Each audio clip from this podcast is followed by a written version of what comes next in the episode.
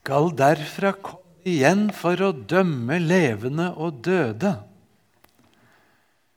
Har dere tenkt over hva vi sier? Hvis vi er på gudstjeneste og reiser oss og sier høyt hva er det vi tror på? Det er en god skikk å gjøre.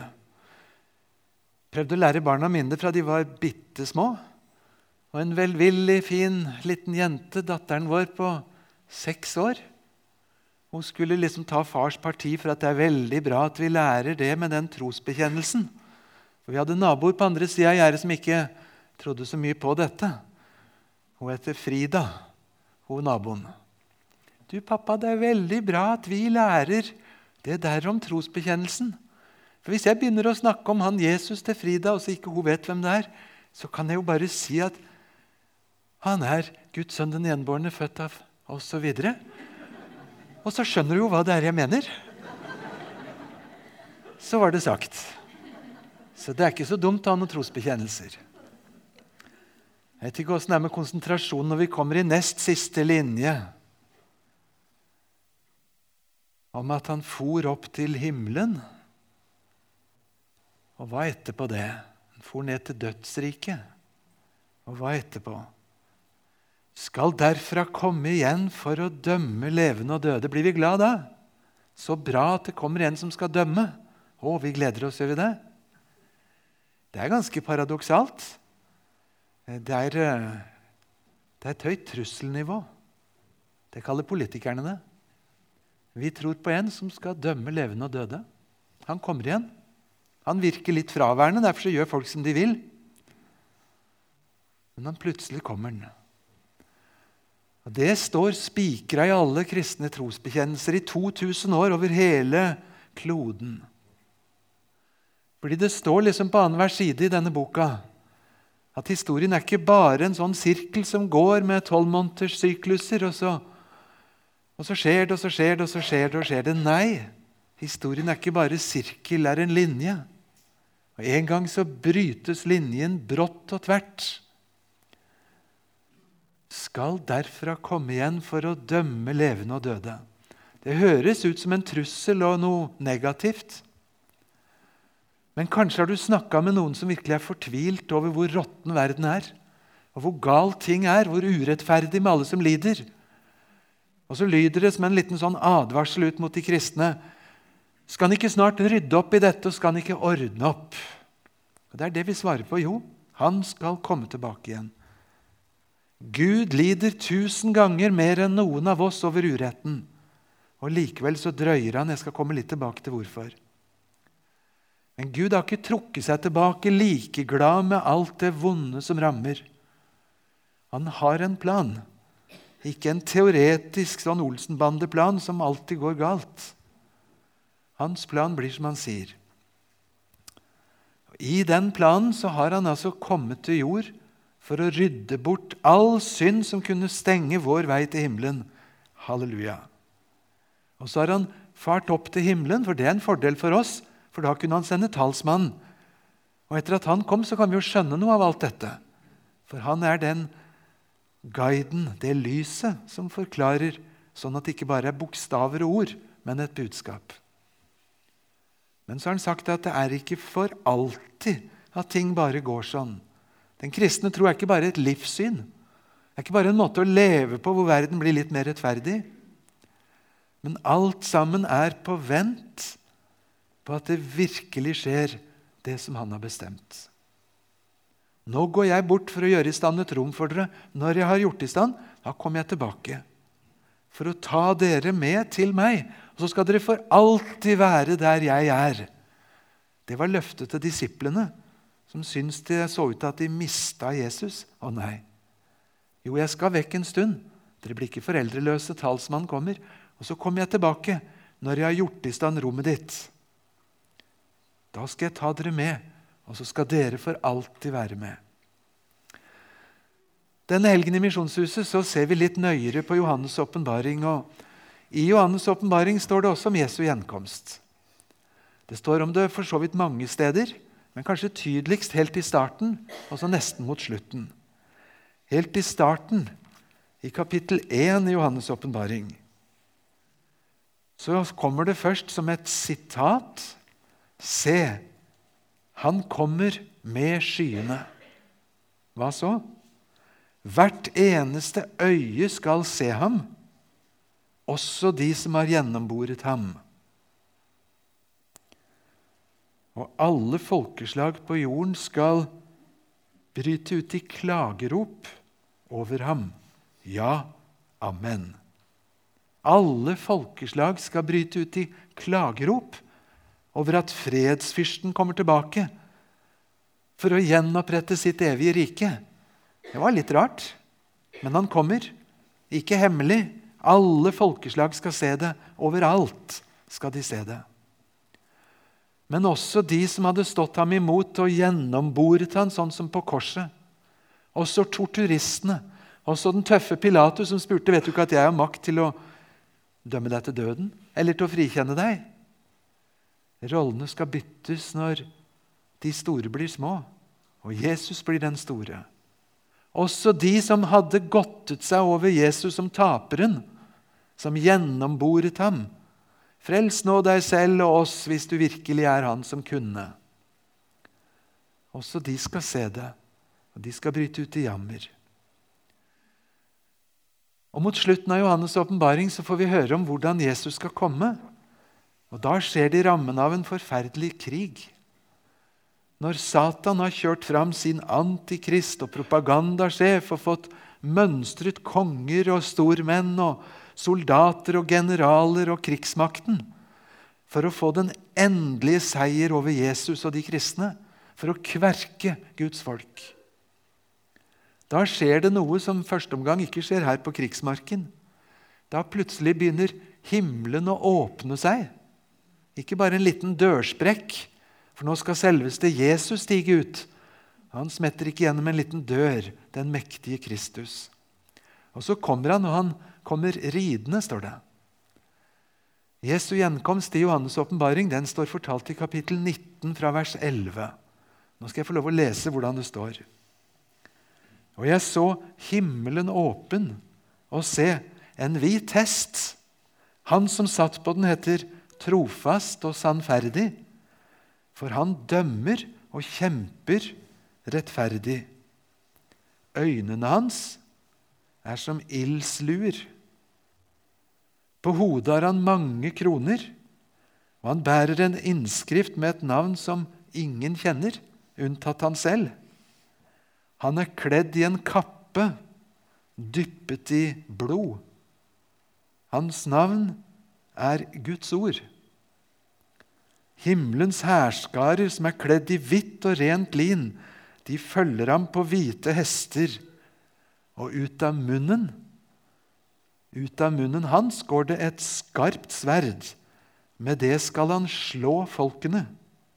Han skal styre dem med jernstav, tråkke vinpressen fylt av vredes vin, av Guds, den allmektiges, harme. Og han har et navn skrevet på kappen over hoften kongenes konge og herrenes herre. Sånn beskrives Jesus. Og Det neste er at vi får høre en engel fra himmelen som roper på alle rovfugler og sier nå må dere komme, for nå skal dere få mat.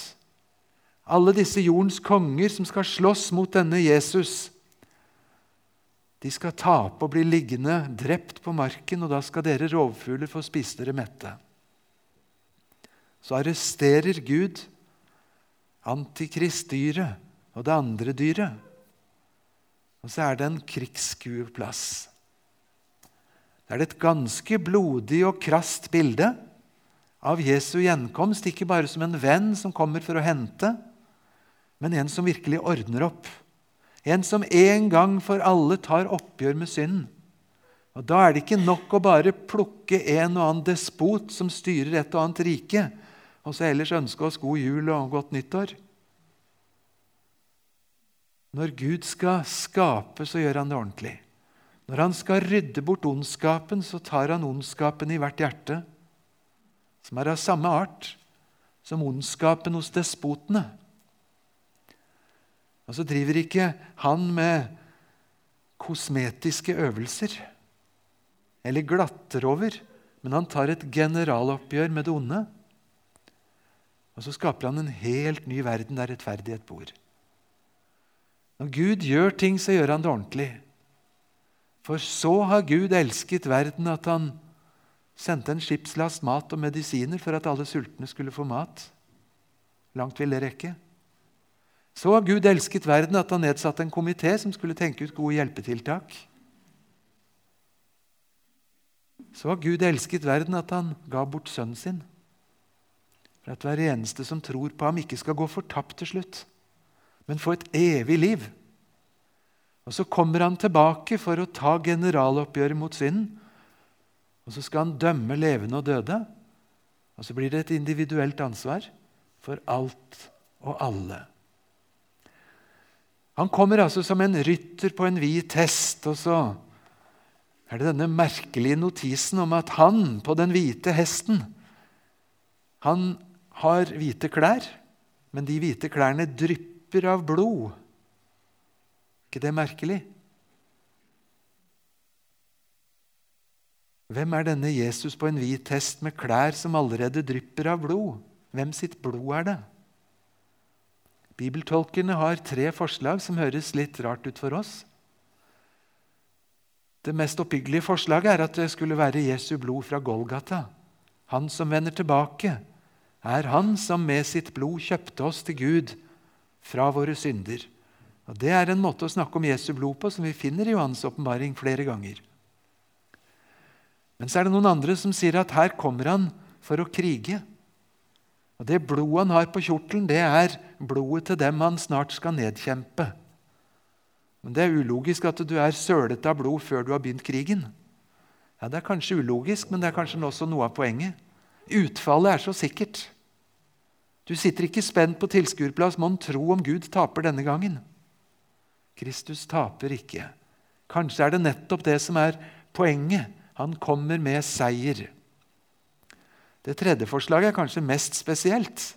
Er det martyrenes blod som gjør kledningen hans rød? Kommer han for å hevne deres blod, som var disse mine minste små? Det du gjorde mot en av disse mine minste små, gjorde du mot meg. Og du, Antikrist, du gjorde denne mitt miste vitne til en martyr. Du trodde du seiret, jeg så det i himmelen. Hevnen hører Herren til. Nå kommer han, og så vil han kreve deres blod av din hånd. Eller hvordan er det? Jeg skal ikke opphøye meg til å vite hvilket blod som følger Jesus der han kommer. Men det er en ganske blodrød realitet. Han kommer for å dømme levende og døde. Og Så hører vi siden at alle skal frem og stilles i to flokker. Og så blir det et høyre og venstre. Og noen som kalles for geiter, og noen som kalles for sauer. Noen som får høre at 'Kom hit, dere mine velsignede, og arv det evige riket'. Mens andre får beskjed om å gå bort til et mørke. Det er ganske sterke tekster om dette. Og også de delene av Nytestamentet som ikke bruker så voldsomme bilder som Johannes' åpenbaring gjør med krig og sånn henter fram noen ganske sterke uttrykk. Paulus eksempel, skriver til tessalonikerne, så sier han når Herren kommer Oi, oi, oi. Ja, da lyder befalingen. Da er det en erkeengel som roper, og da høres Guds basun. Da stiger Herren ned fra himmelen, og da skal de døde i Kristus stå opp igjen. Og etterpå det så skal vi som enda er igjen og lever, vi skal bli rykket bort sammen med dem i skyen for å møte Herren i luften. Og så skal vi være sammen med Herren for alltid. Trøst av hverandre med disse ord. Følte dere trøstet nå? Når Guds basun lyder og en overengels røst, når Herren stiger ned, når gravene åpner seg og de døde i Kristus står opp, og de kristne plutselig rykkes opp i skyen og møtes med han. Oi, så bra! Nå må dere trøste hverandre med disse ordene. Ja, for det er en trøst i det. Det er en trøst om hvem som får siste ord, om en Kristus som har all makt i himmel og på jord, i et evig rike, som tar det oppgjøret med synden uten å bare flytte på en og annen despot, men som går til ondets rot i hvert eneste hjerte. Og så må hele verden vike bort, og ikke plass bli funnet for dem mer. Og så begynner Gud forfra å skape en ny himmel og en ny jord hvor rettferdighet bor. Og Når Jesus selv forklarte disiplene i påskeuken i Matteus 24 og i Markus 13 om hvordan han som menneskesønn skal komme tilbake, så blir det ikke noe mindre dramatisk. Hør fra Matteus 24, 29. Så snart denne trengselstiden er over, endetidens trengsler, da skal sola bli formørket.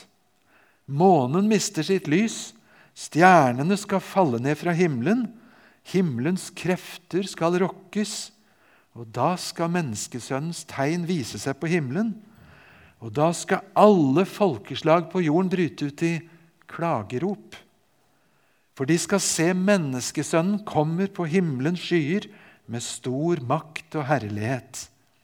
Og når basunen lyder, da skal han sende ut sine engler, og de skal samle hans utvalgte fra, verdens, fra fire verdenshjørner, fra den ene enden av himmelen og til den andre. Det er kraftig språk. Det skal skje, og det skal skje i vår verden. Utviklingen går mot en slags avvikling. Og det skjer her hos oss. Jeg husker en gang som student. Jeg sto i Tyskland, studerte der, på hovedjernbanestasjonen i Hamburg. 17-18 spor og tog som tøffa ut og inn i en voldsom fart. Hundrevis, kanskje tusenvis av mennesker som myldret, og så plutselig sto det for meg Hva er det du tror på, Sverre? At en dag skal det bråstoppe. Så står Jesus der. Og så skal alle folkeslag bryte ut i klagerop når menneskesønnen kommer med himmelens skyer.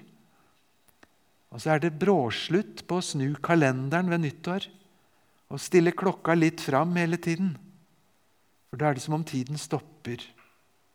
Og så er det én for én fram for Gud til ansvar for livet. Det er ganske sterke tekster. Nå har de kristne skrevet og ment noe om dette i 2000 år. Har dere hørt innvendingen? Og lenge skal kirkene fylles av folk som på søndag sier 'skal derfra komme igjen for å dømme levende og døde'. De tror ikke på det sjøl engang. Nå har de sagt det 52 søndager i året i snart 2000 år. Kjenner du også den derre litt ekle 'Hva svarer vi nå, dere?' Det rare er at akkurat dette tas opp i Bibelen, i 2. Peter 3.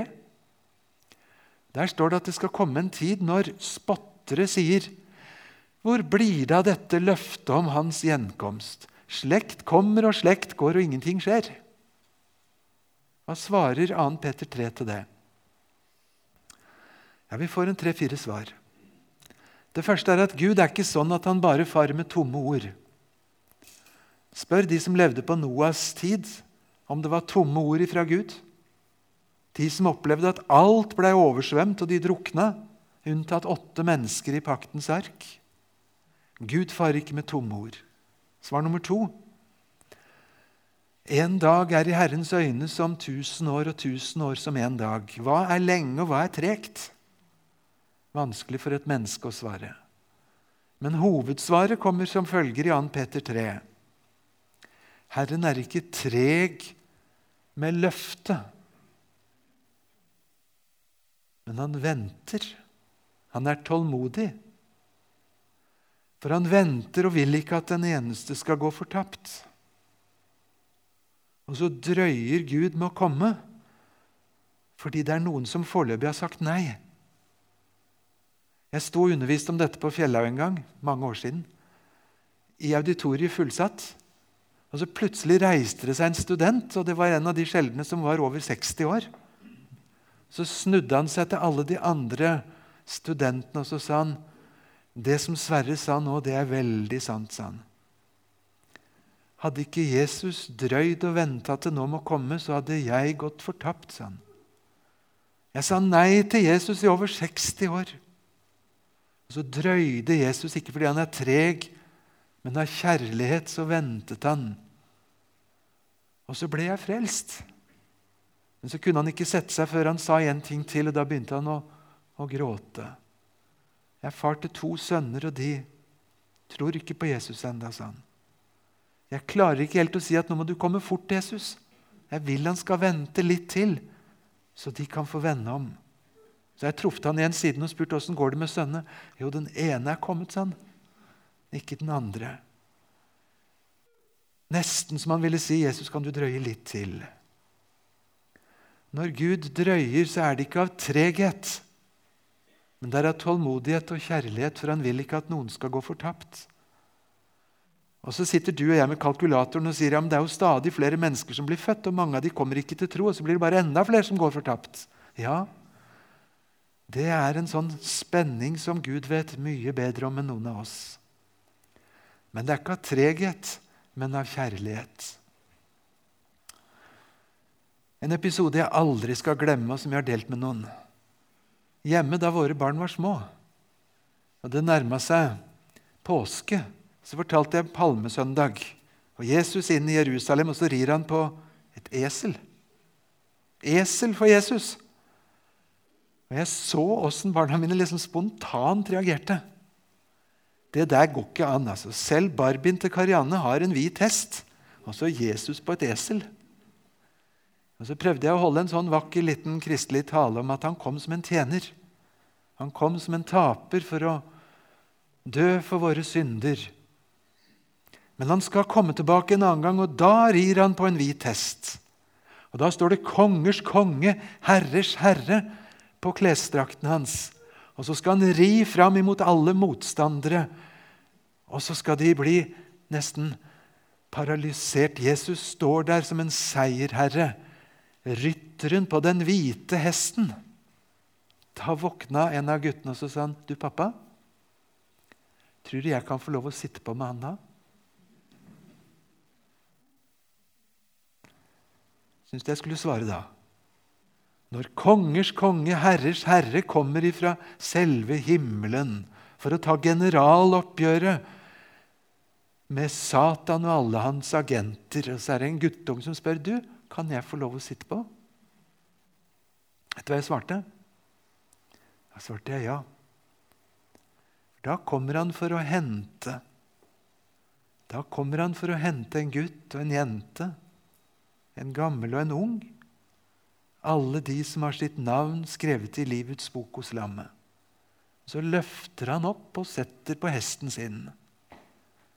Så skal vi ri hjem med Jesus. Skal derfra komme igjen både for å dømme og for å hente. Han blir til dom for dem som var hans motstandere. Så er det kjempealvor at det er liksom ikke en angrefrist i etterkant, så langt Bibelen sier det. Og så er valgene gjort. Så er misjonstiden over. Og så står vi ved inngangen til evigheten, der Guds folk tilber ham, men andre er stengt på utsiden. Og så kommer han altså for å hente. Og i dag er det fortsatt hentetid. Og han som kommer for å sette alt i rette stand På en måte så rir han gjennom marken. Fremdeles gjør han ikke det. Han rir gjennom gatene våre og inn til en og en. Og spør vil du bli med inn. Det er mye i Johannes' åpenbaring som handler om alvoret med plutselig så kan det bli for seint. Det som er nesten enda verre, er at noen steder står det om at kristne som møtes for å dele sin tro, har gått kollektivt i koma. Sover. Har mista varmen og blitt lunkne. De har bare navneskilt i orden, og resten er borte.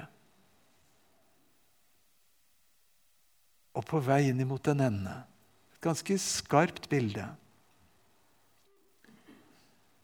Jeg vet ikke om noen av dere har opplevd å rote bort bilnøklene. Lette etter bilen sin, og så var den låst, og så har du ikke nøkkelen, men du håper at et vindu sto litt åpent. har du det? Begynte å kikke litt. og Litt ekstra ivrig og dunke borti en dør om den likevel var åpen. og det var den kanskje ikke, og Til slutt begynner du å tenke nå ser folk meg, tror jeg en biltyv. Har du opplevd at noen har eh, okkupert et helt hus?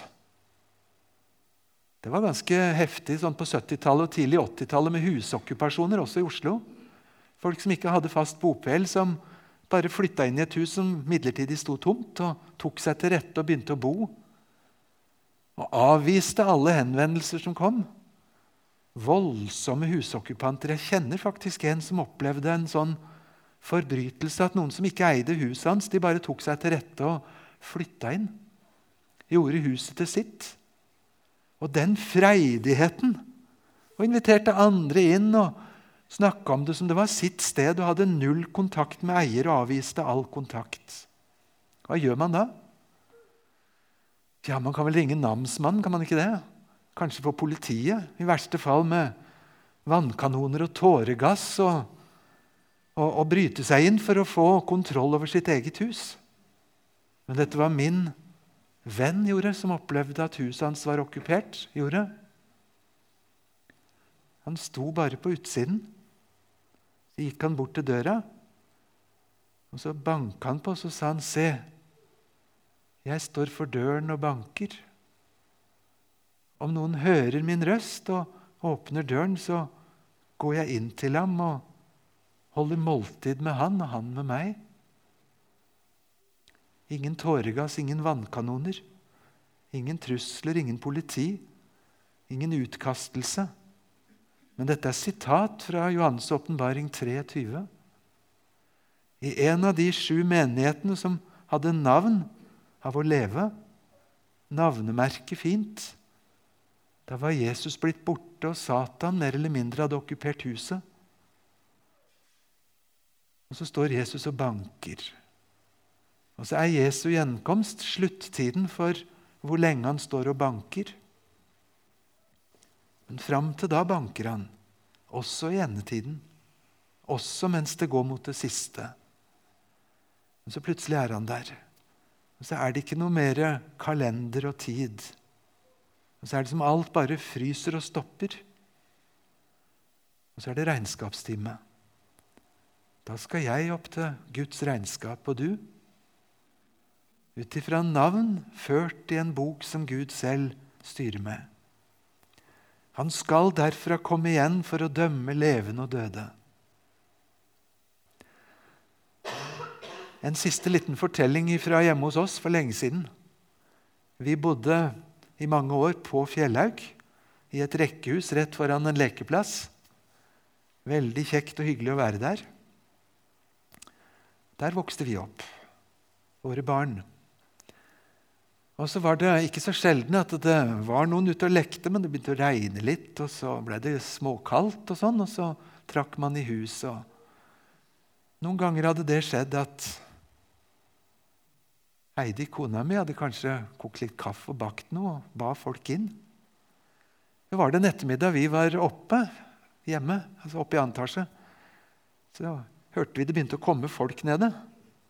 Og var ikke helt forberedt på det. og Gikk ned trappa, der sto det noen. Ikke vi kjente sånn helt igjen, da, i hvert fall ikke nå, her og nå. Nei, så viste det seg at det var en av guttene våre. Ikke så stor. Han hadde gått ut på trappa og så sett noen som sto og hufsa litt på lekeplassen der. og så har ikke dere lyst til å komme inn til oss og drikke litt kaffe og spise litt kake? Og så kom de. Trodde jo gutten var utsendt for å invitere.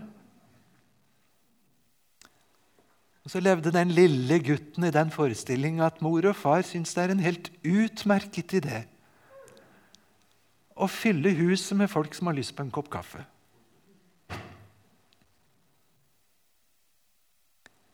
Jesus sa, 'La ikke hjertet gripes av angst. Tro på Gud og tro på meg.'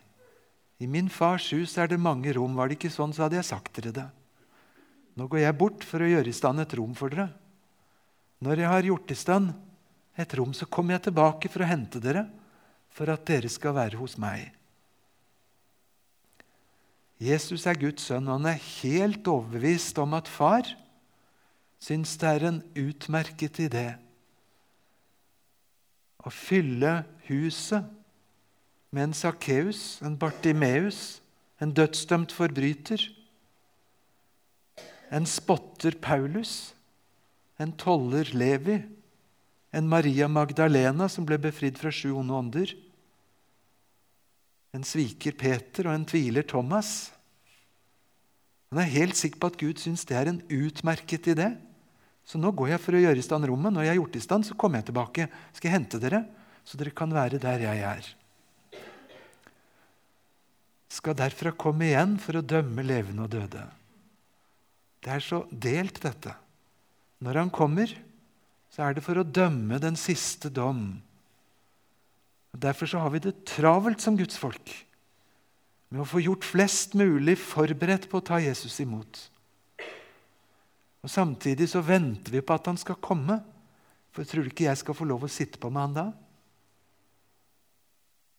Guds hjertelag er sånn at han drøyer med å komme, for han vil at enda flere skal komme i stua. Ikke bare som en kaffegjest en halvtime, men for å være der for alltid. Det fins noen sånne teite tegninger om hvem ville du være alene med på en øde øy i tre uker. Når Gud i himmelen skaper himmel og jord og evigheten, og spør hvem vil han dele en evighet sammen med, så er det denne gruppen av syndere og tollere man har tenkt å for alltid være sammen med. På vei dit så er vi enda i invitasjonstiden.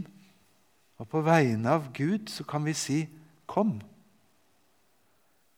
Men vi sier det med litt skjelving i stemmen, for en dag så er den muligheten stengt.